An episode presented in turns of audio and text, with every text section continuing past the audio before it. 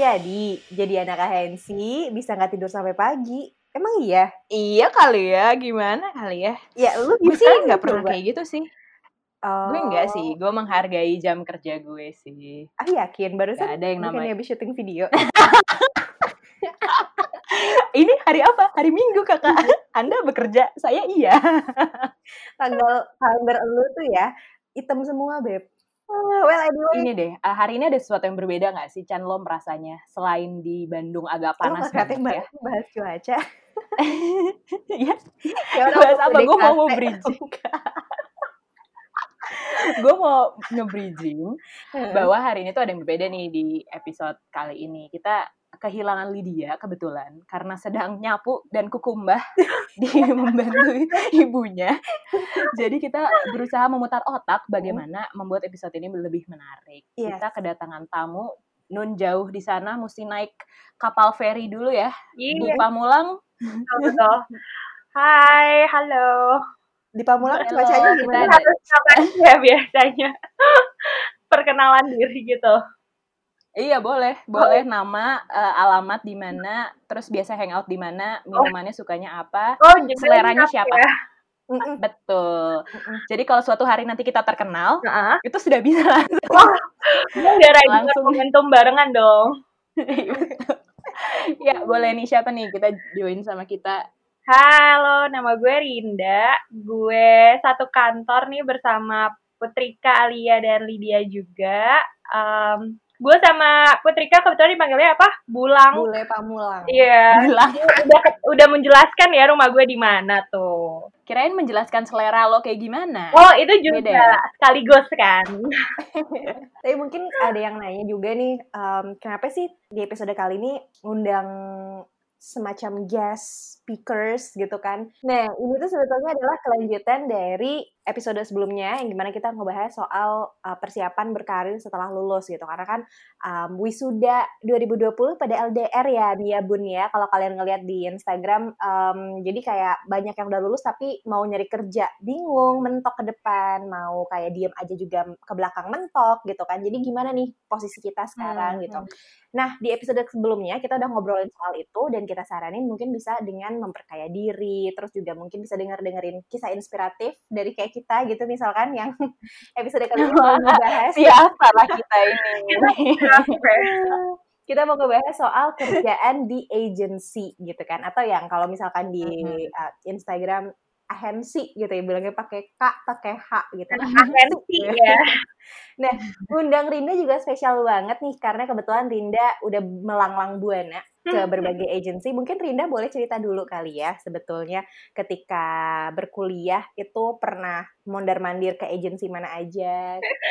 Jadi eh, portfolio gue tuh ke em, karena gue sebelumnya pernah kerja di salah satu dessert company ya yang besar di Indonesia lah. Terus gue keterima di PR agency punya Amerika tuh.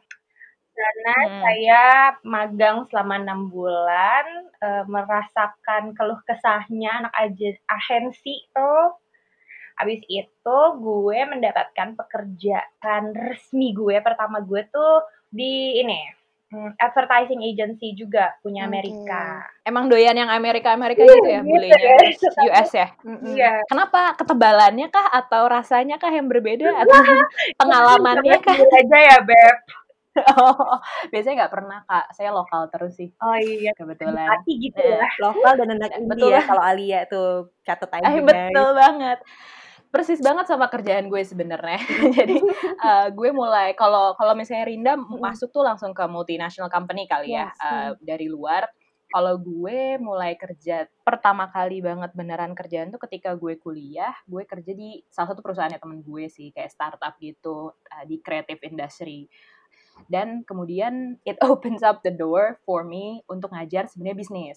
Kalau misalnya di episode sebelumnya tuh gue uh, bilang gue majornya politik kan. Mhm. Terus kenapa bisa shifting ke bisnis sebenarnya karena kerjaan ini. Mhm. Makanya gue di hire di SBM ITB untuk jadi lecture. Dan akhirnya gue cemplung di uh, lebih kepada strategy and business consultancy sih waktu itu Hmm. sempat kerja buat uh, apa government of Western Australia dan akhirnya gue menetapkan kayaknya gue pengen nyoba di satu bidang yang emang gue cukup familiar, which is anything related to communication and also languages. That's why I end up here. Gitu sih. Oke, okay, itu kalau tadi Alia gitu kan um, background story-nya. Nah, sekarang gue sebenarnya penasaran sih um, sama kehidupan perahensian gitu karena um, ketiga eh, kita bertiga ini kan uh, end up juga ujung-ujungnya di agency gitu. Kalau dulu kayak gue kerjaan pertama ketika kuliah di radio, di media gitu ibaratnya, gue hmm. magang juga di majalah buat anak-anak uh, muda. Um, sekarang gue malah kerjanya di yes di Provoke. Nah sekarang gue malah ah. kerjanya di uh, eh, PR gitu kan kayak nyebrang walaupun gak nyebrang-nyebrang banget gitu. Nah uh, mungkin gue mau tanya dulu nih uh, ke Rinda hmm. gitu yang memang udah dari awal hmm. ketika kuliah kerja di agency, magang di agency gitu kan. Sebenarnya apa sih yang harus uh, anak-anak kuliah ini pada tahu tentang kehidupan di kehidupan kerja di agency sendiri? Sebenarnya kan yang rata-rata ujung-ujungnya masuk ke agency itu pasti anak-anak yang komunikasi, HI. Gue rasa mereka sih udah cukup familiar dengan um, semua teori-teori yang harus kita hafalkan gitu. Nah, pada saat gue masuk uh, agency, ada satu hal yang gue sesalin selama kuliah nggak gue kerjain, yaitu memperhatikan dosen. Oh, oke. Okay. Oh, ketahuan guys. Oh. nah, um, ternyata pas gue masuk, akhirnya gue merasa gue harus belajar ulang lagi tuh. Hmm, gue harus mengerti lagi teori-teori komunikasi hmm. untuk ngedevelop suatu proposal. Pada kenyataannya ternyata emang setelah kita mulai magang dan terutama hmm. di agency itu kerasa banget deh lo mendapatkan ilmu yang berbeda dari yang lo dapetin di kuliah. Itu sesuatu yang ilmu menurut gue berharga banget, gak bisa digantikan sih. Menurut gue yang paling penting untuk um, join ke dalam agency itu interpersonal communications kita sih, hmm. karena um, yang mereka lihat pertama kali adalah kemauan kita untuk mempelajari suatu hal yang belum pernah kita pelajarin yes. sebelumnya. Yes, yes, yes. I kinda agree dengan um, yang disampaikan sama Rinda gitu kan. Karena ketika kita interview pertama kali berhadapan dengan user, terus juga director-director, yang dilihat adalah kemampuan kita untuk um, bisa memposisikan diri kita worth untuk perusahaan tersebut gitu. Dan kita punya kemauan uh, yang kuat juga gitu untuk selalu belajar. Jadi kayak growth mindset-nya tuh kelihatan gitu. Dan ini menurut gue, ini menurut gue bisa didapetin uh, ketika lo di kuliah itu membuka diri lo untuk beraktivitas gitu. Misalkan kayak organisasi. Say if you don't wanna be part of them mm -hmm.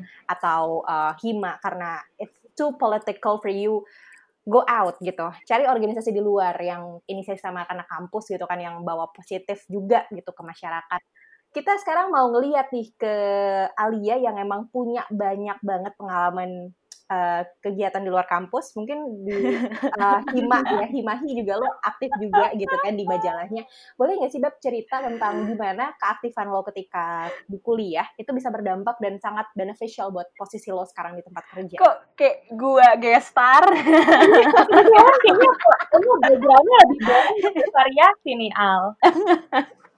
Nah, eh, gue suka cicip-cicip sih sebenarnya masa kuliah tuh enak dan tanpa beban dan tanggung jawab ya. Mm-hmm. Uh, cuman membahas soal itu sebenarnya ralat dikit Chan gue sebenarnya nggak pernah berada di organisasi kampus okay. gitu kayak hima atau bem dan lain sebagainya termasuk di pas SMA juga osis karena gue selalu anti establishment gitu loh gue nggak pernah setuju sama apa yang mereka bikin it's so lame it's so dumb mungkin karena kasarnya tuh because I agree with you. That is the reason why I don't uh, go as a member of OSIS or BEM. Nah ini maksudnya uh, gue bukan bukan berarti yang ikut BEM atau HIMA dan lain sebagainya mereka lame dan lain sebagainya. Cuma pendapat gue. Karena gue udah terlanjur kasarnya kena exposure dari luar gitu. Dan gue merasa kalau dari gue pribadi ya justru lo lebih kena banyak uh, apa ya exposure mm -hmm. yang berbeda-beda dari hmm. kampus lo hmm. dalam dalam artian not only by the what ya the, the knowledge hmm. but also their uh, social habit hmm. gimana cara mereka berinteraksi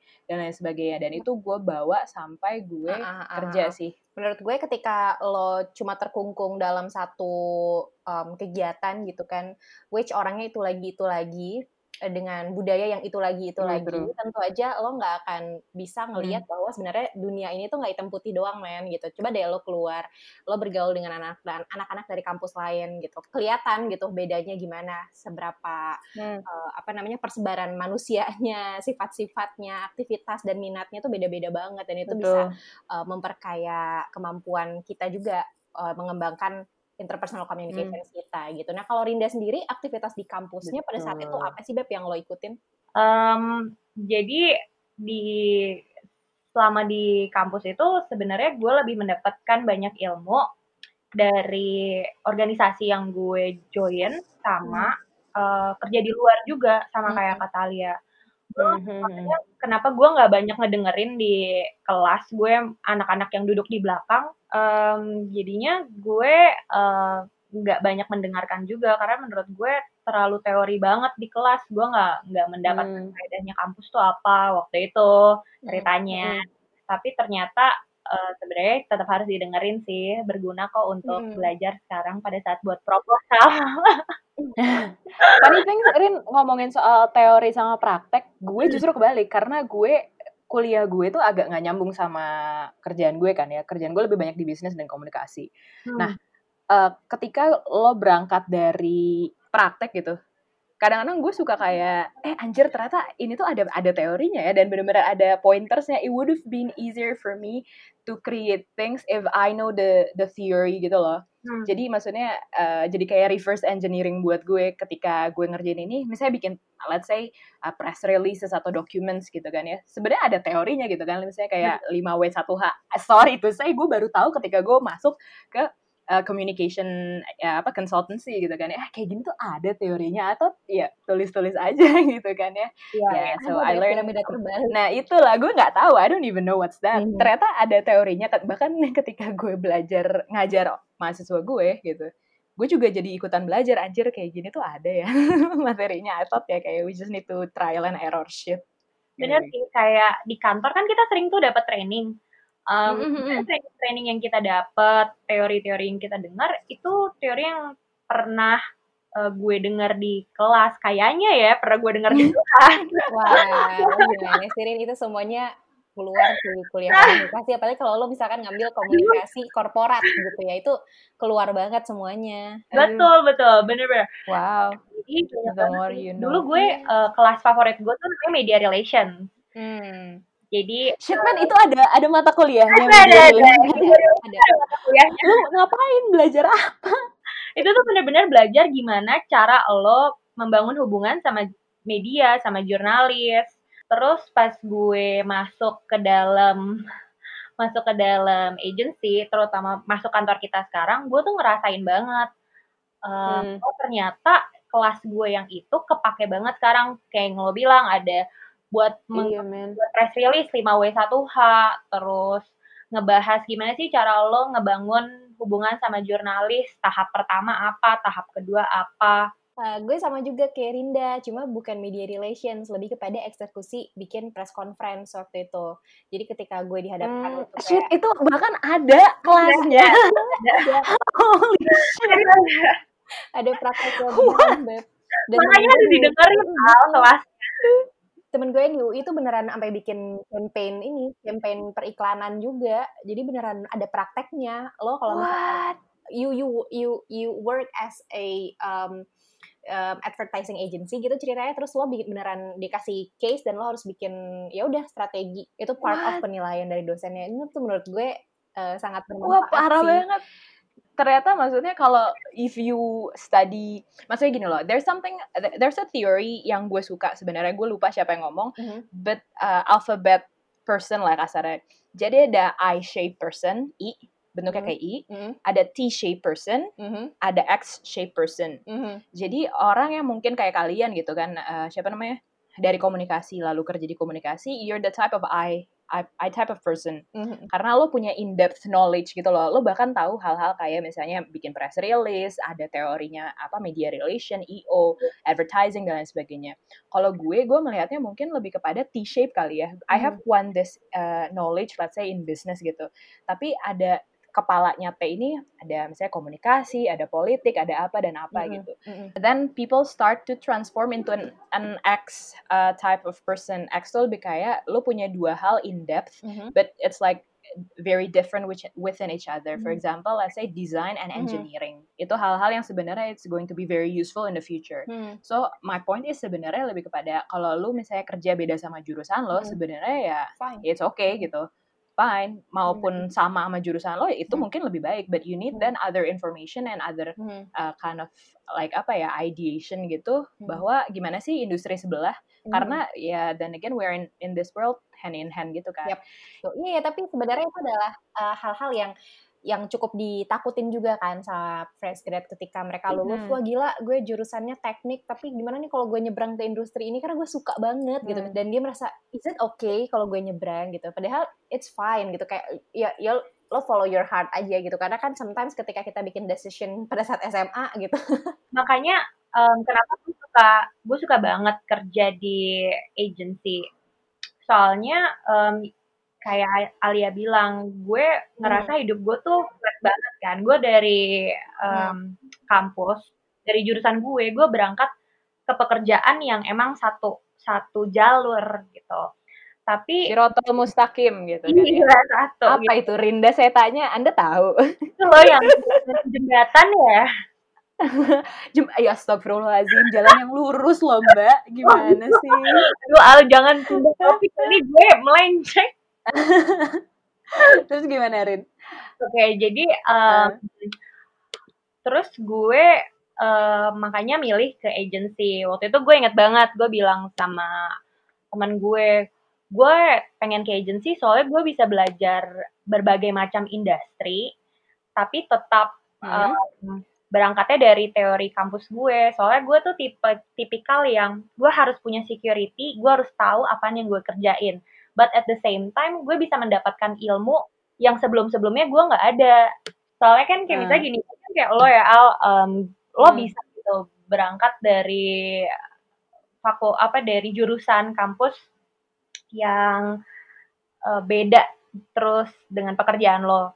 Nah kalau gue tuh bakal ngerasa inse banget sih, kayak aduh gue nggak tahu nih gue harus ngapain, what's the first thing that I have to do, I don't know. Sedangkan waktu gue dari kampus terus gue magang, gue kerja, gue udah tahu, oh eh, kalau gue masuk ke PR agency, yang gue harus mengerti lebih ke PR tradisional mostly.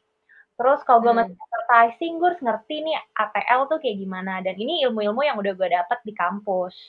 Oke, nah itu tadi Oke. sekilas tentang gimana perkuliahan kita bisa berpengaruh gitu kan sama kehidupan di agensi dan itu sangat eh, ternyata wow surprisingly sangat membantu ya terutama buat anak-anak komunikasi gitu dan bahkan even buat Alia gitu yang dari eh, jurusan HI ketika pindah komunikasi jadi punya banyak bing bing bing bing, bing hal-hal baru yang dipelajarin. Nah kalau misalkan Hmm, betul, eh, betul. kita nih uh, say mungkin uh, agensi nggak jadi tempat pertama buat Alia bekerja dan bukan jadi tempat pertama buat Rinda bekerja gitu. Tapi for me um, sebagai fresh graduate waktu itu agensi jadi tempat pertama resmi gue kerja ya. Hmm. Gue coba pengen sharing aja sih guys bahwa uh, gue ngelihat kecenderungan nih uh, fresh graduate yang kerja ketika di agensi mungkin bakal ada culture shock gitu kayak yang wah gila kerja di agensi itu ternyata gini banget ya gitu kan. Kayak yang um, Hmm. super tektokan cepet dan uh, ngehand tangan tuh cuma dua tapi klien bisa empat ya. Jadi udah kayak Dewi Saraswati tangannya empat gitu. Jadi kalau gue ngeliat tuh uh, memang pa- pasti bakal ada culture shock gitu kan. With this culture uh, di agency itu nggak bisa men kayak gitu jadi lo benar-benar udah udah harus terstruktur makanya tadi kalau misalkan udah aktif berorganisasi ikut kegiatan ini itu lo jadi punya time management yang Iya. lebih baik gitu kan compared to others yang uh, nggak terlibat dan nggak terjun uh, ketika kuliah di organisasi ataupun Betul. di kegiatan-kegiatan luar kampus lainnya gitu.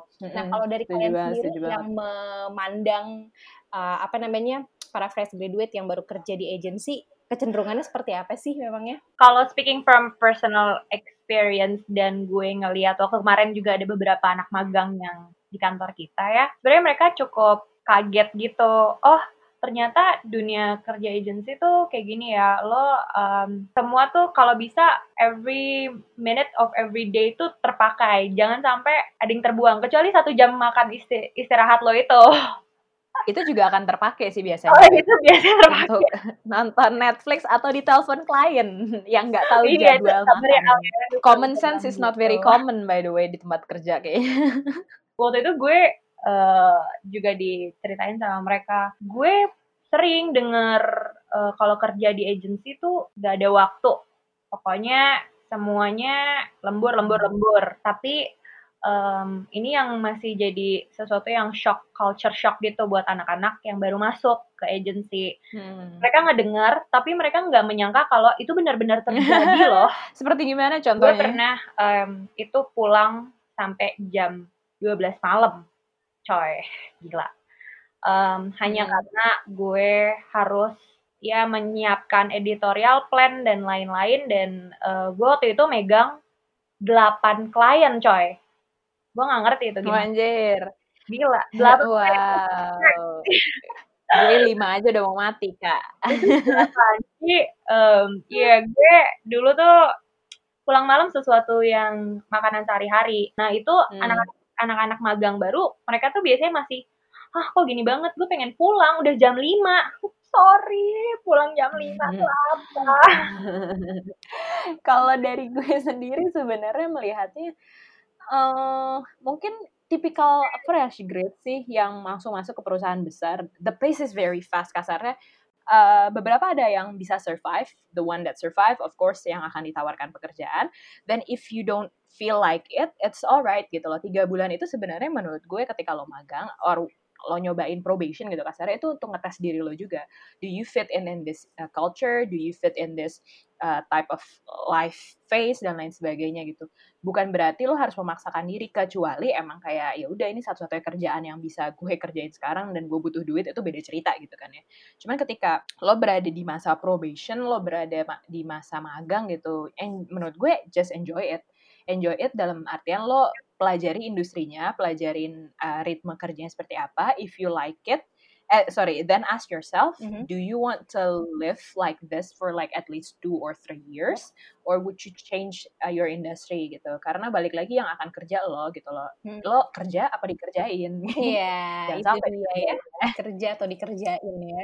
Di highlight Ya, tolong ya. Tolong di highlight bold 36 gede ya fontnya jangan lupa kalibri Itu lo kirim ke klien lo, habis itu lo email. kerja apa dikerjain tanda tanya tanda tanya tanda tanya Dan eh, ada ada lagi nih yang gue biasanya ngelihat ini juga speaking uh, from my personal experience ketika awal gitu kan magang. Gue takut banget salah. Kayak yang, aduh bener nggak ya kerjaan gue kayak gini? Aduh ini bener nggak ya kayak gini? Aduh gue kalau ngomong gini Hmm. bener atau enggak ya? Kalau gue jawabnya kayak gini, gimana ya responnya? Kayak gue tuh terlalu banyak hal yang gue pikirkan gitu. Kayak gue takut banget salah dan Hmm. melangkah gitu. Padahal, padahal em, ketika kita masih di masa-masa probation, di masa-masa uh, magang, itu sebenarnya yes, ya itu adalah waktu-waktu yang tepat untuk membuktikan bahwa hello, we're capable of doing those things gitu. Tapi juga uh, jadi sebenarnya kesempatan buat lo melakukan kesalahan sebanyak-banyaknya gitu. Karena akan lebih mudah mengampuni mereka yang baru belajar ya daripada yang udah bertahun-tahun dan masih melakukan kesalahan yang sama Nah. Uh, what's best adalah kita bisa um, mengambil hikmah dari kesalahan tersebut dan memperbaikinya di kemudian hari gitu. Betul. Ya, jadi learning curve-nya tuh naik, nggak yang udah, oke udah bener, eh turun lagi gitu kan. Jangan begitu Hmm. ya.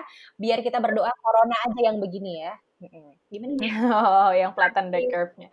Talking talking about that ya maksud gue uh, learning curve ya lo bilang learning Yep. curve, uh, growth mindset itu sebenarnya menurut gue not only uh, lo yang tentuin. Mhm. Kalau misalnya kasarnya lo nya udah berusaha tapi mungkin nih perusahaannya juga nggak membantu lo untuk develop gitu sebenarnya itu akan menjadi hal yang sulit juga. Mhm. Uh, kalau zaman sekarang gitu, kalau gue lihat ini teman-teman gue yang di agensi lainnya juga pun mereka sering ada di uh, apa namanya training-training juga. Ya. Teman gue banyak lumayan tuh di creative creative agency. Mhm. Nah, uh, apa namanya mereka ini suka dikasih training bagaimana men- menulis copy, bagaimana I don't know maybe design and layouting yang lagi ngetrend kayak gimana. Itu tuh justru bikin kayak refresher gitu loh kasarnya. Kan lo sebagai agency kadang-kadang lo memberikan advice yang kadang diturunin, eh, diturutin, kadang juga nggak diturutin kan sama klien. Mhm. But then lo harus punya added skill. Nah, if you don't have like this enough time, enough uh, power, ya lo bisa nyarinya di mana gitu. harusnya sih menurut gue itu menjadi kayak uh, apa ya part of companies uh, give back kali ya mm. to the to the to the hmm. employee mm. bahwa to add up my company value then I also need to add up my employees value mm -hmm. gitu sih so find somewhere that you can grow not only the job that you like, the job that you can fit in well, but also the company that makes you grow sih menurut gue. I agree on that. Jadi sebetulnya jangan takut ya hmm. buat adik-adik yang baru lulus dan mau kerja di agensi kayak terlalu banyak mitos. Kalau gue bisa ngasih tips sih, um, kalau untuk fresh grade, saran gue pertama kali lo masuk ke dalam agensi adalah cari satu orang yang uh, pekerjaannya agak sedikit lowong dan bisa lo jadikan mentor dan bisa lo um, berta apa ya ajak jadi teman diskusi dulu gue perhatiin anak-anak magang di kantor kita juga uh, lari selalu ke Putrika tuh cari-cari kan. Mohon maaf karena dia ketua ininya, oh, ketua iya. gengnya, dia koordinator program magang, Bu. Kalau narinya ke saya yang ada dimarahin Iya, tapi itu sesuatu yang surviving surviving skill untuk pertama kali hmm. masuk agency dulu waktu gue pertama kali magang juga um, kebetulan alhamdulillah gue ketemu beberapa orang yang bisa kalau misalkan gue buat kesalahan sedikit, gue langsung lari ke mereka. Um, hmm. Jadi sebagai anak magang saya survive. Yeay. Yeay. I think bukan cuma di agency ya, tapi juga di apa company-company lain gitu. Ketika kita baru jadi fresh hmm. grade hmm. gitu, kayak wah gue nggak tahu siapa-siapa di sini gitu. Ini kayak lo harus punya satu nih, lo harus bisa uh, mempergunakan interpersonal communication skills yang udah lo bangun ketika kuliah hmm. untuk bisa ngegait uh, dan mencari senior yang ibaratnya bisa jadi pundak Betul. Allah. tapi ya pada saat bertanya kayak gitu kalau lo nanya kak ini lagi gimana? Tapi muka dia lagi nggak friendly. Jauh-jauh deh. Kalau nggak Oh, talking about that sebenarnya uh, ini bukan cuma buat anak magang sih gue mikirnya. Ketika lo udah menjadi kasarnya udah menjadi junior atau senior di kantor tersebut gitu yeah. kan ya obviously lo akan memiliki hmm. anak magang gitu. Don't set expectation too high on them. So maksudnya gimana ya they're still uh, growing and they will learn a lot from you. Lo bakalan lo nggak cuman akan ngajarin, tapi lo juga bisa belajar sebenarnya dari mereka. Belajar bagaimana bisa menjadi leader yang baik, bagaimana lo bisa menjadi seorang senior yang membangun orang lain karena lo berada di posisi lo ini sekarang bukan karena lo doang, bukan karena company lo doang, tapi karena senior-senior lo juga mengajarkan hal yang baik kepada lo gitu. Dan it's your time ketika lo punya bawahan to teach them and to make you better or at least be in the same position as you are right now? Uh, sebagai fresh graduate nih, gue kan kayak ketika masuk kerja pertama kali di agency, gue langsung nge-follow di Instagram Overheard Agency, guys. Agency! Oh Is it beneran beneran enggak sih?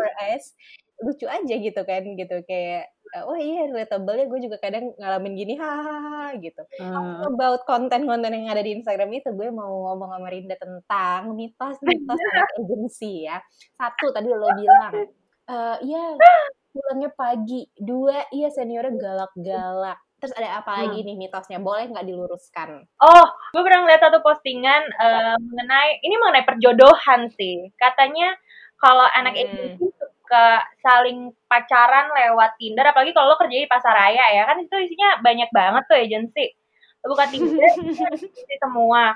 Terus tuh gampang dapetin pacar. Sorry guys itu hanya mitos. Oh ya lo udah pernah ya soalnya nyobain Tinder di pasar raya doang. Nongkrong di pasar raya buat dapet pacar sama agensi nggak berhasil ya Rin? Okay, okay, okay. mitos. mitos guys. Apalagi. Gaji gue sempet denger sih itu hmm. ada apa namanya gaji berapa 80 juta nyicil rumah 3 miliar Ih, bener gak sih itu? Kita denger itu. Oh. itu bener gak sih? Gue dengar dari senior gue dulu sih -hmm. uh, kisaran 40 ke 60 kalau kamu udah jadi direktur. Nah, Tapi seharusnya di markup dikit gak apa-apa ya. Yang direktur aja. Nah, uh, ngomongin soal gaji ini sebenarnya buat anak-anak magang nih justru gue dapetnya bukan yang gede-gede maksudnya infonya ya. Hmm. justru gue uh, taunya anak agency tuh kecil-kecil kayak kerja rodi aja gitu kan ya kayak berasa zaman Van den Bosch gitu ya guys. Uh, tanam paksa kerja paksa tuh.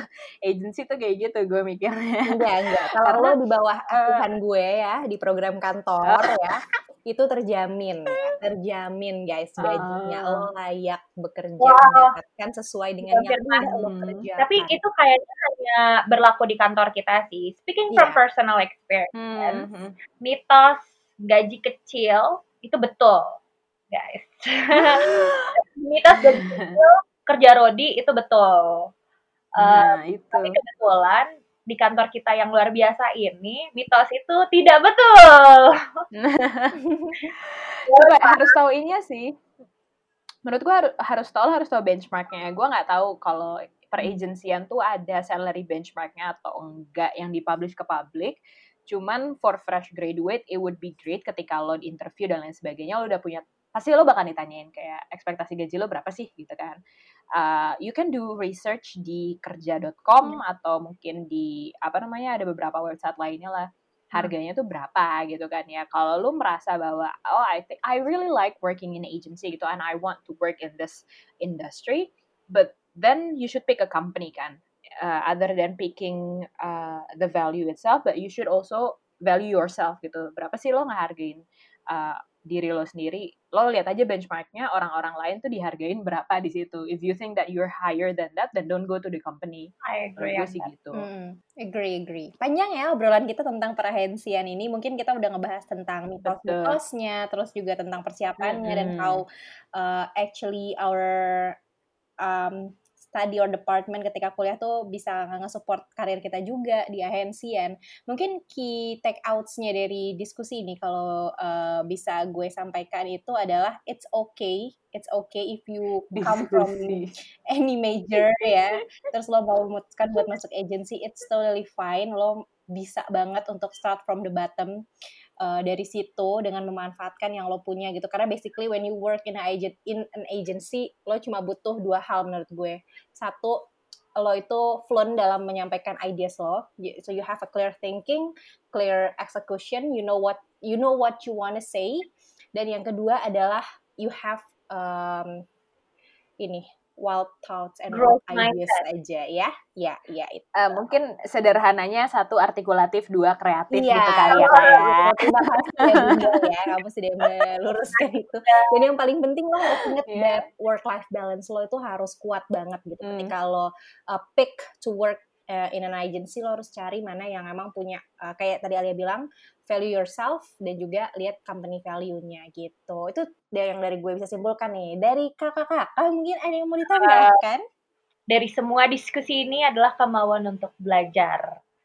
Karena nggak um, mungkin kita bisa tahu maksudnya dari kita aja yang berdua datang dari jurusannya itu sendiri masih ada hal-hal yang oh ternyata seperti ini and we have to have that growth mindset. We have to have that curiosity enough to wanting to learn something new. Growth mindset sampai mana ya? Sampai langit apa, sampai Saturnus guys. Oh.